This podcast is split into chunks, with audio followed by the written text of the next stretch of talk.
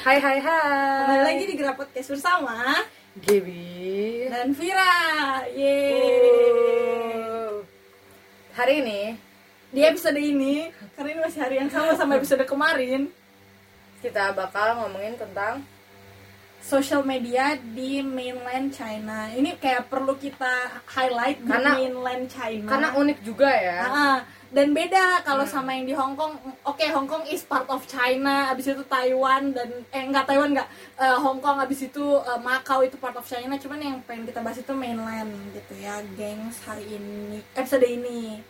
Ya karena di episode sebelumnya di Free Talk sebelumnya kita udah pernah menyinggung dikit tentang eh, topik ini. Ya, Sedikit banget. kayak mungkin untuk mulai kita nggak usah banyak bacot dulu ya di awal ya langsung yang kayak langsung ke poin aja kenapa alasannya di China itu mainland China itu mereka punya uh, sosmed sendiri sebenarnya nggak ada sih ya press release dari pemerintah atau apa yang bilang kayak kita tuh sengaja loh bikin sosmed sendiri Iya. sebenarnya nggak ada cuman dari yang kita dengar dari orang-orang atau yang kita baca dari uh, artikel-artikel itu kebanyakan karena uh, udah rahasia umum gitu ya bahwa China ini punya censorship sendiri. Iya. Bahkan kita emang nggak ada yang maksudnya kayak notice sendiri aja gitu dengan sering berjalannya waktu gitu. Hmm, jadi kayak mereka tuh uh, censorshipnya ini uh, strict, abis itu ditambah lagi kayak uh, mungkin banyak perusahaan-perusahaan yang ada mungkin ada secara masif di barat maupun di Asia selain mainland China ini masuk ke mainland China ini ngerasa kayak strict atau kayak mereka nggak nggak bisa mm, nggak bisa improve atau kayak nggak bisa eh, melakukan bisnisnya dengan proper di mainland China jadi di mainland China ini banyak perusahaan yang bikin sosmed sendiri Yap. Nah, terus ditambah lagi, eh, oh banyak juga brand itu, misalkan kayak yang pokoknya yang nggak masuk ke sana aja ya, yang nggak masuk ke mainland China ini karena mereka nggak bisa sadar how diverse China is. Walaupun kayak, oke mereka suatu negara, tapi kayak banyak eh, penjelasan bahwa mereka itu how diverse they are. Kayak maksudnya banyak orang yang tinggal bukan cuma di kota-kota besar. Seperti kota besar apa aja? Kota besarnya itu ada Shanghai, ada Beijing, ada Shaochen, Shenzhen, sama satu lagi Guang Guangzhou. Ya, Gue gak ngerti cara cara ngomong benernya itu kan guys. empat kota besarnya Iya. Nah, tapi di luar itu kan lebih banyak lagi orang yang ini dan pokoknya demografis demografisnya gitu kan Banyak. ah, kalau bukan orang China langsung mungkin banyak yang nggak tahu kali Iya. ya jadi kayak mungkin oh lebih baik kita bikin perusahaan sendiri. Dan mereka itu orangnya bener-bener jelas banget gitu loh apa yang mereka mau. Emang personality orang mainland China itu mereka tahu apa yang mereka mau apa yang mereka butuhkan. Jadi kalau misalnya ada sesuatu yang kayak nggak bakalan kepake sama mereka ya enggak dan berarti buktinya eh, social media atau internet platform yang mainstream itu nggak kepake Iya. di sana Jadi mereka udah punya eh, apa internet ekosistem sendiri gitu. Mereka Hmm. mereka membuat eh, apa internet ekosistem mereka sendiri. Ya seperti itu kurang lebih. Jadi kalau misalnya kita ngomongin internet ekosistem di eh, China itu empat ada key playernya. Istilahnya. Mah. Ada empat eh, key player yang apa ya mainnya nih yang mereka ya namanya. The key playersnya tuh ada empat. Empat perusahaan atau CEO-nya ya empat CEO gitu loh. Pertama dari Alibaba Group ada dari apa Ten- Ten Tencent. Tencent Iya, BTW ini disclaimer sampai episode ini selesai. Kalau misal banyak pronunciation yang ah sembarang banget kayak rusak. we don't speak Chinese guys. Iya, jadi kayak So mohon maaf. Ini nanti kita tulis di sini apa yang benernya kalimatnya gitu ya. jadi kita cuma baca apa yang ada Ah. Kayak tulisannya begitu ya kita baca gitu kita Iya. nggak tahu kalau pronounce gimana karena Jadi ini we don't speak iya, Chinese correct me if I'm wrong. Cemiu. ya pokoknya Alibaba, Ten- Tencent, Baidu, sama satu lagi ada Byte ByteDance Hmm. itu ada empat key players. Dan kalau Alibaba ini itu semua orang mungkin eh, udah tahu ya Alibaba Group apa eh, foundernya siapa, CEO-nya siapa. Mungkin CEO-nya udah ganti nggak sih? Setahu gue sih kayaknya gua nggak tahu, ntar kita update kalau kita tahu. Tapi foundernya still Jack Ma. Iya, CEO-nya udah bukan dia, dia Iya, setahu gue ha. CEO-nya udah udah ganti soalnya, tapi foundernya tetap masih Jack Ma lah ya kan Jack Ma yang mendirikan. terus dari eh, Tencent ini kita punya Ponima. Kita punya. Gitu kayak kita Ada yang orangnya kasih gitu ya. enggak. Maksudnya eh, Tencent memiliki CEO yang bernama Ponima. Terus Baidu punya eh, CEO CEO dan founder yang namanya Robin Lee. Dan eh, ByteDance kita punya Shang Yiming. Jujur gue gak tau cara ngomongnya. Zhang Yiming. Zhang Yiming gitu lah Zhang Yiqing Iya, eh, oke. Dari di sini itu eh, dari empat key player ini itu punya apa ya? Punya aplikasi aplikasi ya namanya. anak perusahaan Iya, punya eh, anak eh, perusahaan dan rival di bidangnya masing-masing. Tapi antara empat itu gitu loh. Antara Hmm. empat eh, main companies ini yang empat tadi gue sebutin. ya karena kayak kalau misalkan kita spektrumnya luasin tuh terlalu gede gitu loh jadi Iya. mari kita fokus di top 4 uh, Key at players least, uh, nya. at least dalam Juni 2020 gitu kan Per Juni Uh, per 2020. Juni 2020 ya ini gengs Oke. nah terus habis itu mungkin secara statistik dulu ya kayak kenapa mereka ini bisa alasannya Hmm, bisa gede banget gitu karena apparently 802 juta orang di mainland China itu active internet users atau sekitar 57,7 persennya atau setengah Mm-mm. lebih setengah dari populasinya itu emang mereka itu uh, users internet yang aktif dan yang rada shocking itu uh, mungkin di kayak comparison di Indonesia aja kita sorry ya kayak gue kadang kan pernah ke ini di Bekasi sih. Maksudnya kayak gue ke Depok pernah. Gue pakai salah satu provider terbesar di Indonesia yang katanya bagus yang paling bagus. Tapi tetap aja turun ke 3G gitu loh.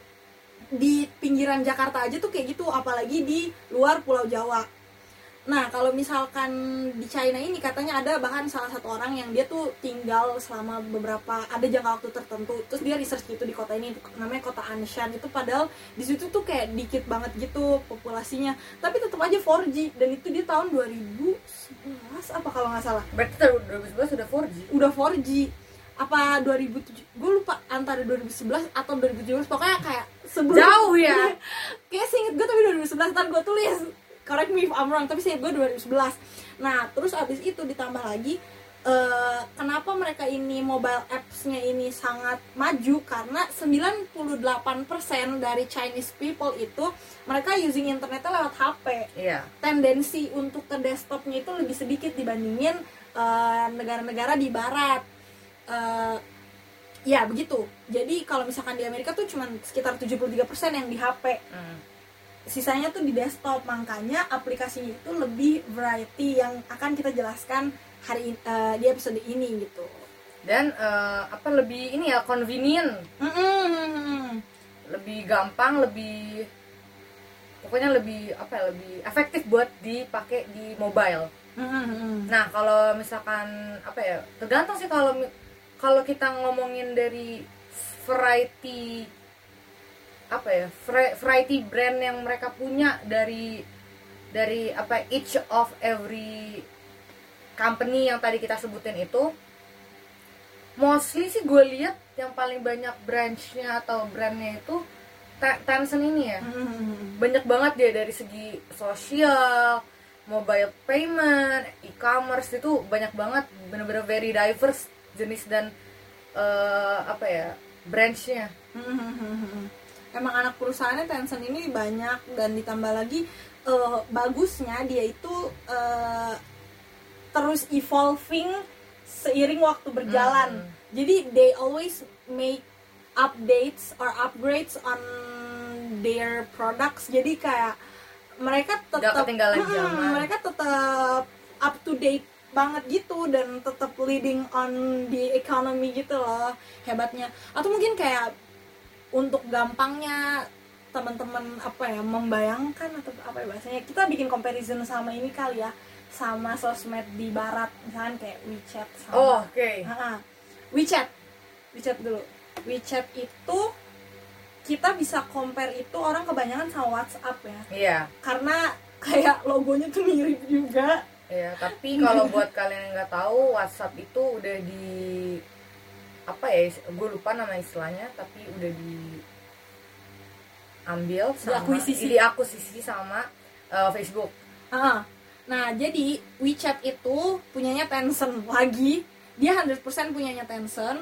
Eh, habis itu kalau WhatsApp itu punyanya Facebook dan dia itu dirilis tahun 2009.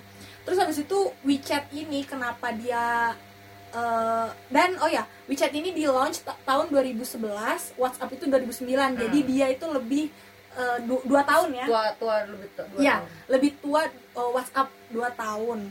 Uh, terus habis itu WeChat ini monthly active usersnya itu 1,16 1,165 billion as per January 2020. Terus habis itu WeChat ini kayak basically it's just the same with WhatsApp but dia itu kayak banyak uh, spin off tingginya gitu. Satu dia kayak tadi ada mobile paymentnya.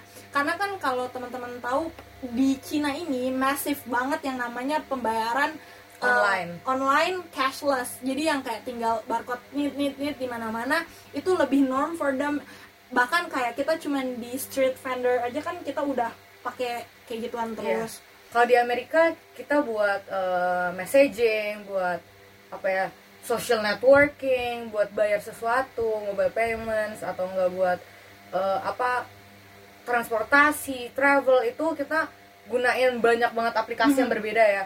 Cuman kalau misalkan kita di China dengan adanya satu WeChat itu kita udah include semuanya gitu loh guys. Jadi eh, apa ya super super super simple ya kalau menurut gue. Mhm. udah nyatu di situ. Iya, convenient banget abis Hmm. itu dan bagusnya balik lagi dia bentuk update-nya ini semua hal-hal yang orang perlukan itu dimasukin ke dalam satu aplikasi yang sama dari kayak maksudnya eh, spin-off yang lain itu mereka eh, bisa cuman ngirim nih eh, sebuah eh, post atau apa jadi orang-orang di sekitar mereka karena locationnya itu dima- dinyalain bisa komen juga walaupun kayak lu nggak temenan nih sama dia di Hmm. WeChat tapi kayak bisa oh ntar dia komen oh iya di sini juga ada ini ada Hmm. begini jadi yang kayak orang tuh lebih merasa terkoneksi satu sama lain mungkin ya lewat Hmm. WeChat ini. Ya jadi WeChat itu banyak di compare sama WhatsApp but kayak versi more kayak more extravagant. Iya dan padat dan lain-lain karena karena mereka itu lebih senang apa-apa semua di HP jadi kayak udah ini all in one. Terus mungkin lanjut kali ya ke Weibo. Weibo ini punyanya Alibaba. Alibaba.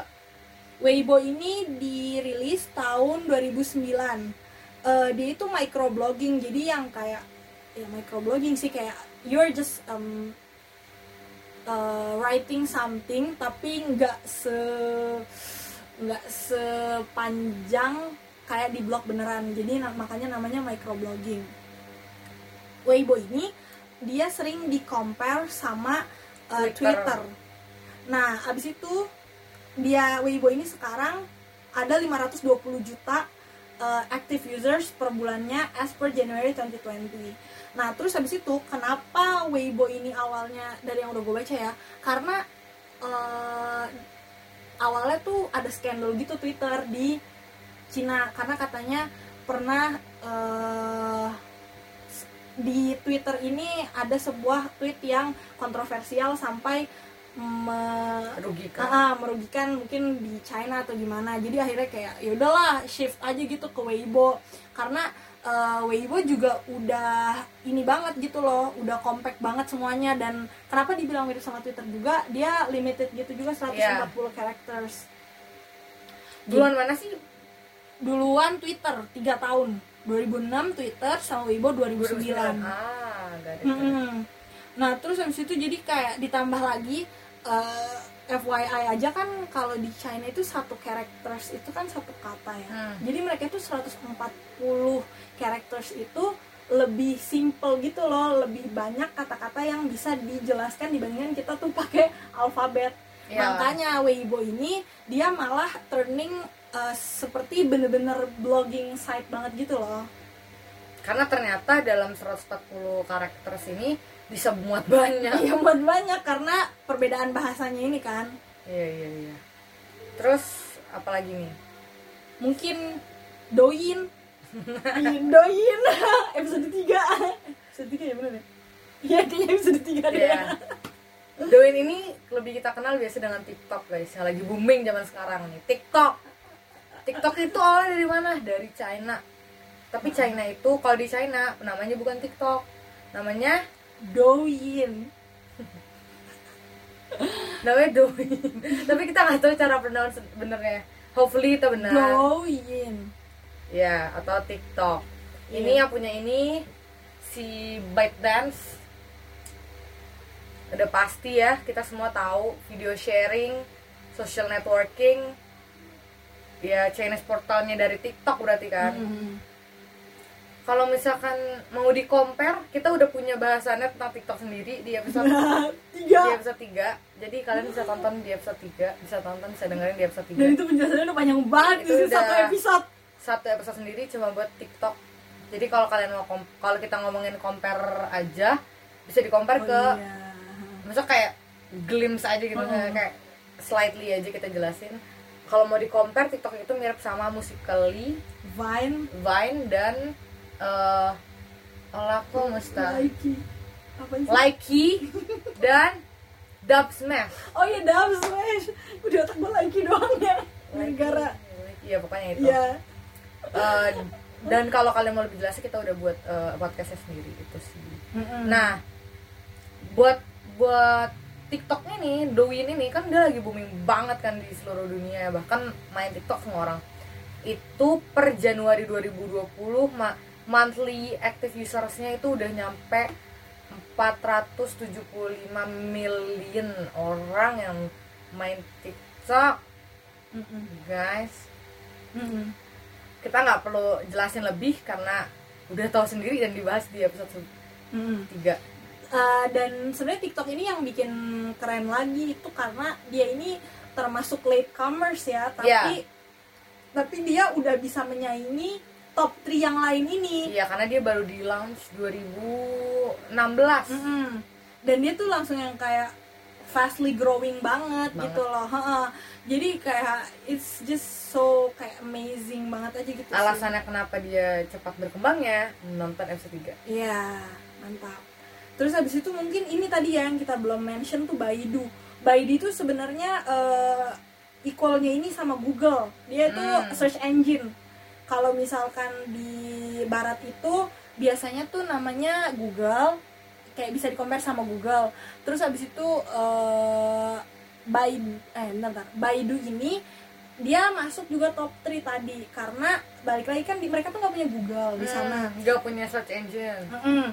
Nah, sebenarnya kalau misalnya mau dibilang search engine, banyak negara juga yang bikin search engine-nya sendiri. Sendiri. Kayak Korea itu kan punya Naver, Naver. ada namanya Naver. Nah, ini eh, China ini dia punya Baidu. Ke mungkin apa ya?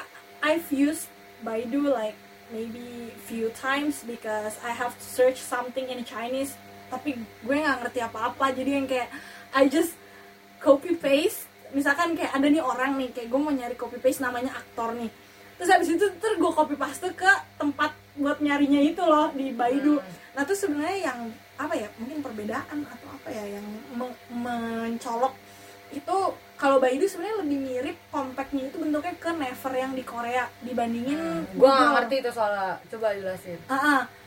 kayak apa ya dia tuh lebih balik lagi sih compact gitu ya lebih all in one karena in the first page kalau lo buka Google itu at least kayak cuman Google habis itu kotak search engine di sini bulat eh apa kosong terus habis itu kalau misalkan eh, Never ataupun Baidu itu Baidu habis itu search engine. Habis itu nanti di bawahnya tuh kayak banyak artikel-artikel banyak kayak eh, online shopping. Habis itu banyak eh, apa search search apa ya keyword search yang lagi eh, rising in in berapa jam itu tuh ada terus. Jadi bentukannya kalau menurut gue itu lebih mirip ke Oh, Naver di Korea. compact. Hmm, pokoknya balik lagi semua hal itu tuh kalau di social medianya China itu lebih compact ya, lebih all in one, lebih simple dan ada semua di dalamnya gitu. Hmm, gitu. Mm-mm. Terus habis itu mungkin lanjut lagi ke Youku kali ya. Iya, Youku itu sebenarnya video mm-mm, video application yang punyanya Alibaba. Eh, dirilis tahun 2003 itu versusnya sebenarnya YouTube yang punyanya Google yang dirilis tahun 2005 sebenarnya duluan Youku 2 tahun dibandingin sama YouTube. Hmm. nah terus habis itu monthly active usersnya itu sekitar 50 57 juta 57,96 juta orang yang memakai Yuku. Ini tuh ya kayak dia video streaming paling tua. Sebenarnya kalau kita ngomongin tentang video and live streaming Mhm. itu di apa live streaming platform ya. Kalau misalkan ngomongin itu banyak banget aplikasinya. Hmm. di apa ya very diverse lah kalau kita ngomongin aplikasi tuh banyak. Dan setiap uh, perusahaan tadi key players itu itu rata-rata nih punya jagoannya Hmm, masing-masing. punya jargon masing-masing. Uh, kayak seperti contohnya kita kita coba kita list aja ya ber, per, per apa ya per bidangnya gitu. Kalau misalkan apa ya streaming platforms itu pu- kita punya empat mainnya gitu loh. Hmm. itu ada apa Aiki Aichi. Aichi ada T- Uh-huh. Tencent Video ada Yo- Youku sama ada Bilibili. Bilibili. Jadi yang Aiki ini punya Baidu punya Baidu terus Tencent Video punya Tencent Tencent udah pasti namanya juga Tencent Yu- Yuku kayak Vira bilang tadi itu punya Alibaba Group. Dan Bilibili Bilibili ini itu punya eh, Alibaba dan Tencent. Mereka berdua Merge. iya. Tapi punya sahamnya masing-masing. Terus kayak mungkin uh, I can compare Yuku ini kayak eye to eye banget sama uh, YouTube karena beda ya. Kayak tadi kan kita kita juga udah sempat research bahwa di China ini platform streaming ini kebanyakan kayak Netflix. Mungkin kita bisa bilang kayak Netflix kayak lebih banyak uh, iya. yang panjang-panjang gitu loh series atau apa. Dibandingin kalau YouTube ada series juga di YouTube. Cuman lebih lebih utama kayak short videos atau kayak video compact yang berapa berapa belas menit. Nah kalau di China ini kecenderungannya kayak gimana tadi yang apa TV kabel? oh karena eh, kalau misalkan berbeda dengan kita yang di apa ya di di luar Cina kita tuh udah terbiasa sama TV kabel Mhm. gitu kan nah itu tuh eh, membangun karakteristik sendiri di China gitu loh di mana mereka itu udah terbiasa untuk eh, apa mempunyai apa ya dari semuanya tuh dari dari genggaman gitu loh. Jadi dari mereka kecil atau dari dulu itu mereka udah terbiasa buat eh, buat nggak nonton di TV kabel gitu jadi lebih balik lagi kayak kita bilang tadi kayak lebih kompleks gitu lebih kompleks lagi.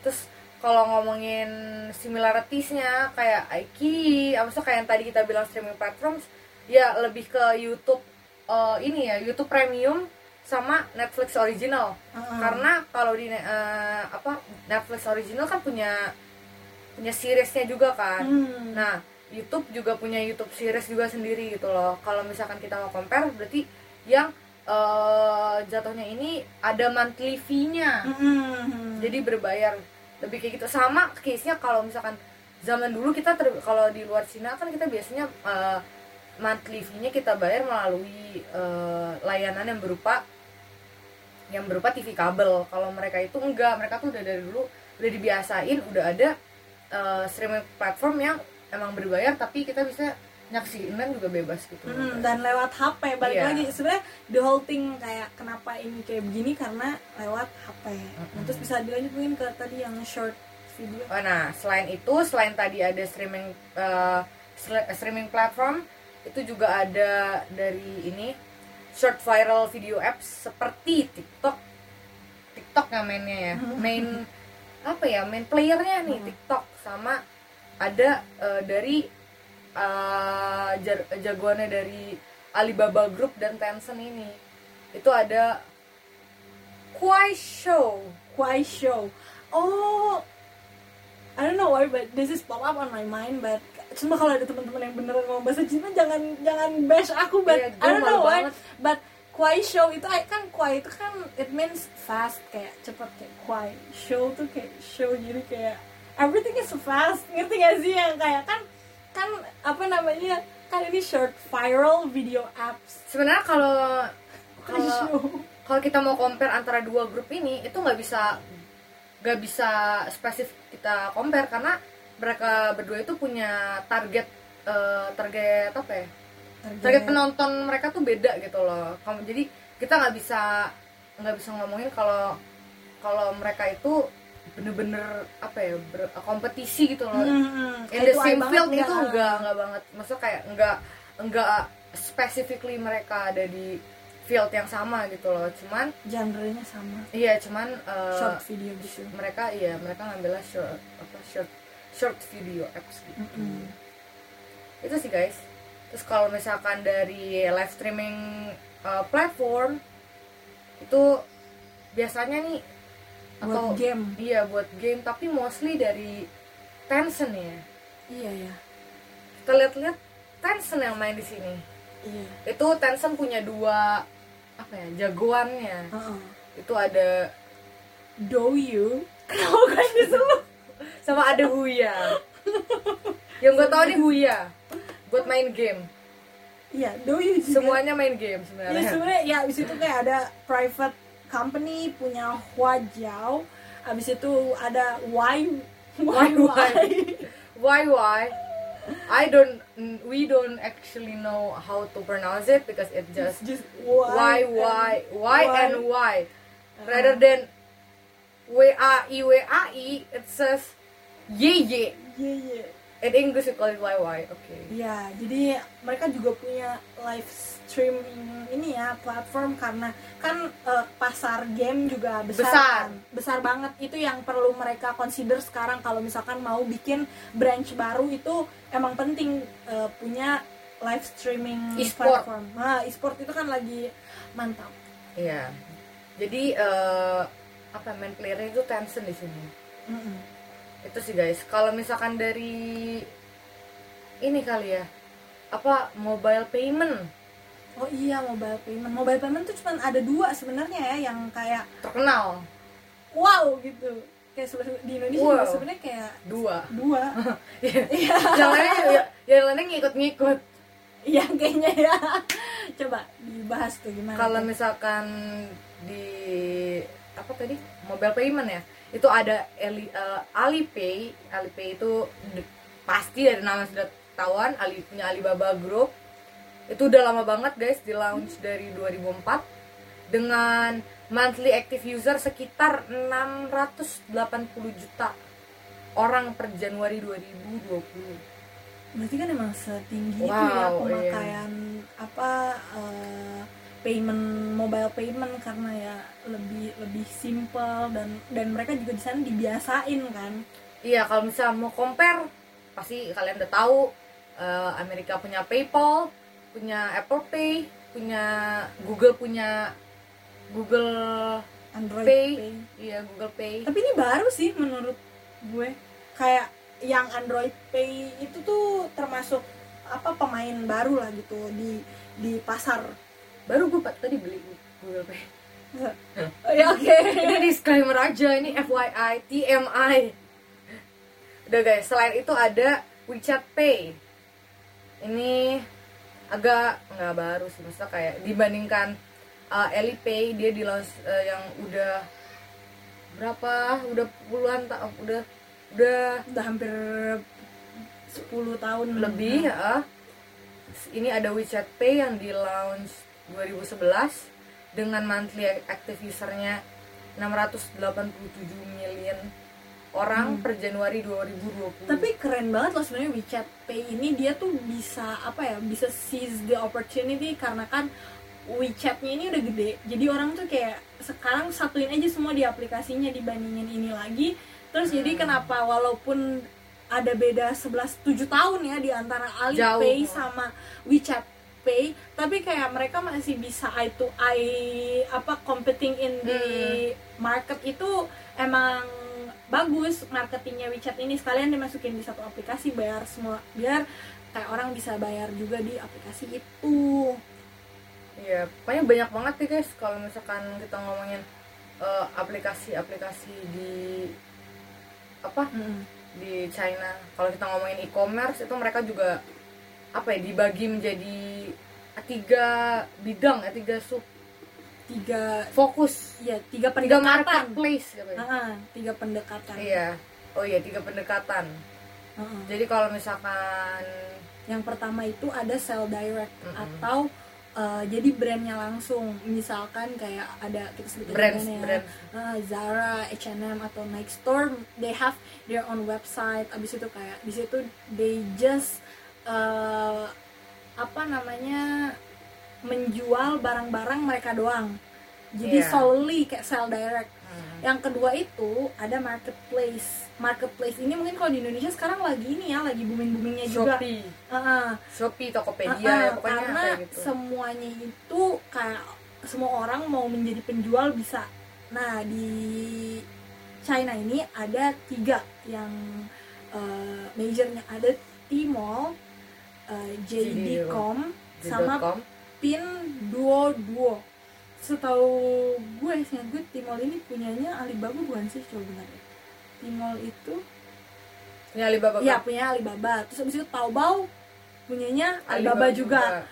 Ah, nah terus udah kayak gitu ya JD ini punya Tencent. Jadi ini udah masuk Indonesia juga? Ah di Indonesia itu jadinya JDID kan. Hmm.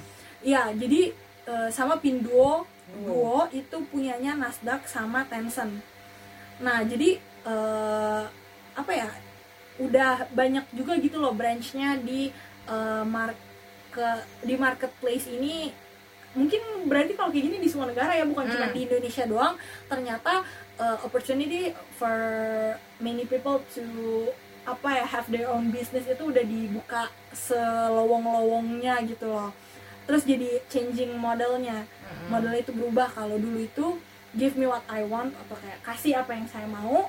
Kalau sekarang itu tell me what I should buy. Jadi kayak orang mereka tuh- menawarkan iya, duluan. mm.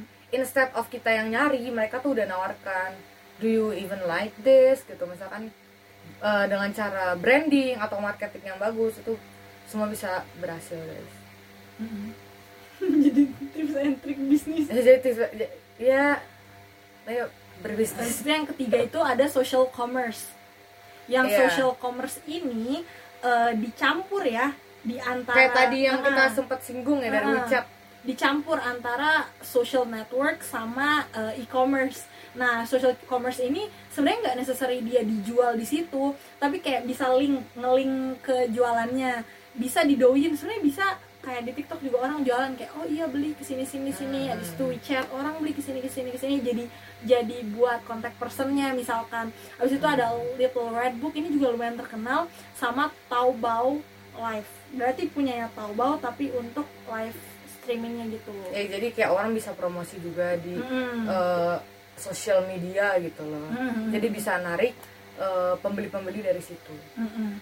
benar-benar terus mungkin kalau misalkan udah ngebahas gini semua eh apa ya tendensinya gue pengen ngebahas aja gitu loh tendensinya orang mainland China itu they they use the social media dif- a little bit differently from us yang di luar mainland China mungkin banyak pertanyaan gitu sih kayak kenapa mereka membuat itu gitu Hmm.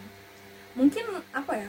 uh, in shortest shortest way we can answer itu to control everything karena kayak menurut ini gue personally ya ini gue nggak mau affiliating everything karena ini uh, pendapat yang keluar dari diri gue sendiri.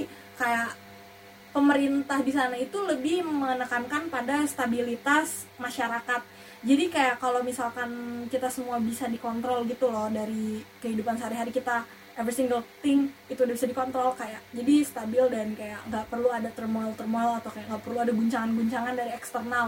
Dan ternyata rakyatnya juga tuh ngerasa convenient gitu loh karena data mereka udah ada di pemerintah semua. Kayak mereka nggak usah capek-capek lagi gitu nggak usah hassle untuk eh, apa ya untuk nge-integrate lagi semua data-datanya mereka karena semuanya juga udah dipegang sama pemerintah in the end of the day gitu loh.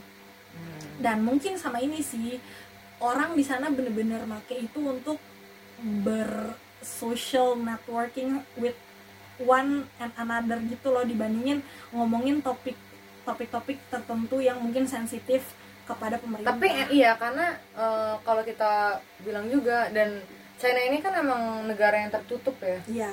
Terus eh, balik lagi kayak Vira bilang eh, pemerintahnya emang rule di whole country gitu loh dari yang gue lihat. Apalagi kalau kita nonton YouTube konten dari Cina tuh jarang. Kalau sekalipun ada itu baru-baru. Baru-baru ini dan kalau misalkan itu juga nyari subtitle juga susah. Biasanya tuh mereka kayak udah gitu aja videonya. Ke, apa karena dan misalkan nih kalian mau bikin video reaction itu juga susah karena copyright. copyright copyright di sana itu berbeda dengan copyright biasa kita di misalnya kayak western copyright atau copyright Korea Indonesia itu agak a little bit different gitu jadi keep that in mind aja. Mm-mm, mm-mm.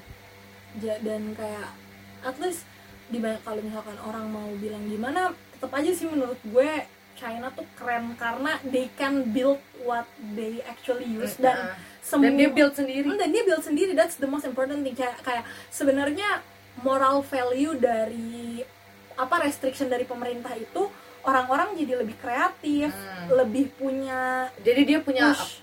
punya kemampuan untuk mengemba- mengembangkan uh, sumber daya manusianya sendiri Mhm. Dan fortunately semuanya tuh sukses dan kayak Dan sekarang diperhitungkan dan apa uh, rakyatnya juga apa ya bisa diajak kerjasama gitu Hmm. dan sekarang marketnya mereka jadi diperhitungkan juga Hmm. gitu loh di world secara worldwide ya bukan hanya di ya China kayak doang. contohnya TikTok aja kan gila Hmm. itu aja sih guys Mhm. jadi kayak intinya keren cukup sekian Mantap. Yang akan kita bahas hari ini. Thank you guys. Dadah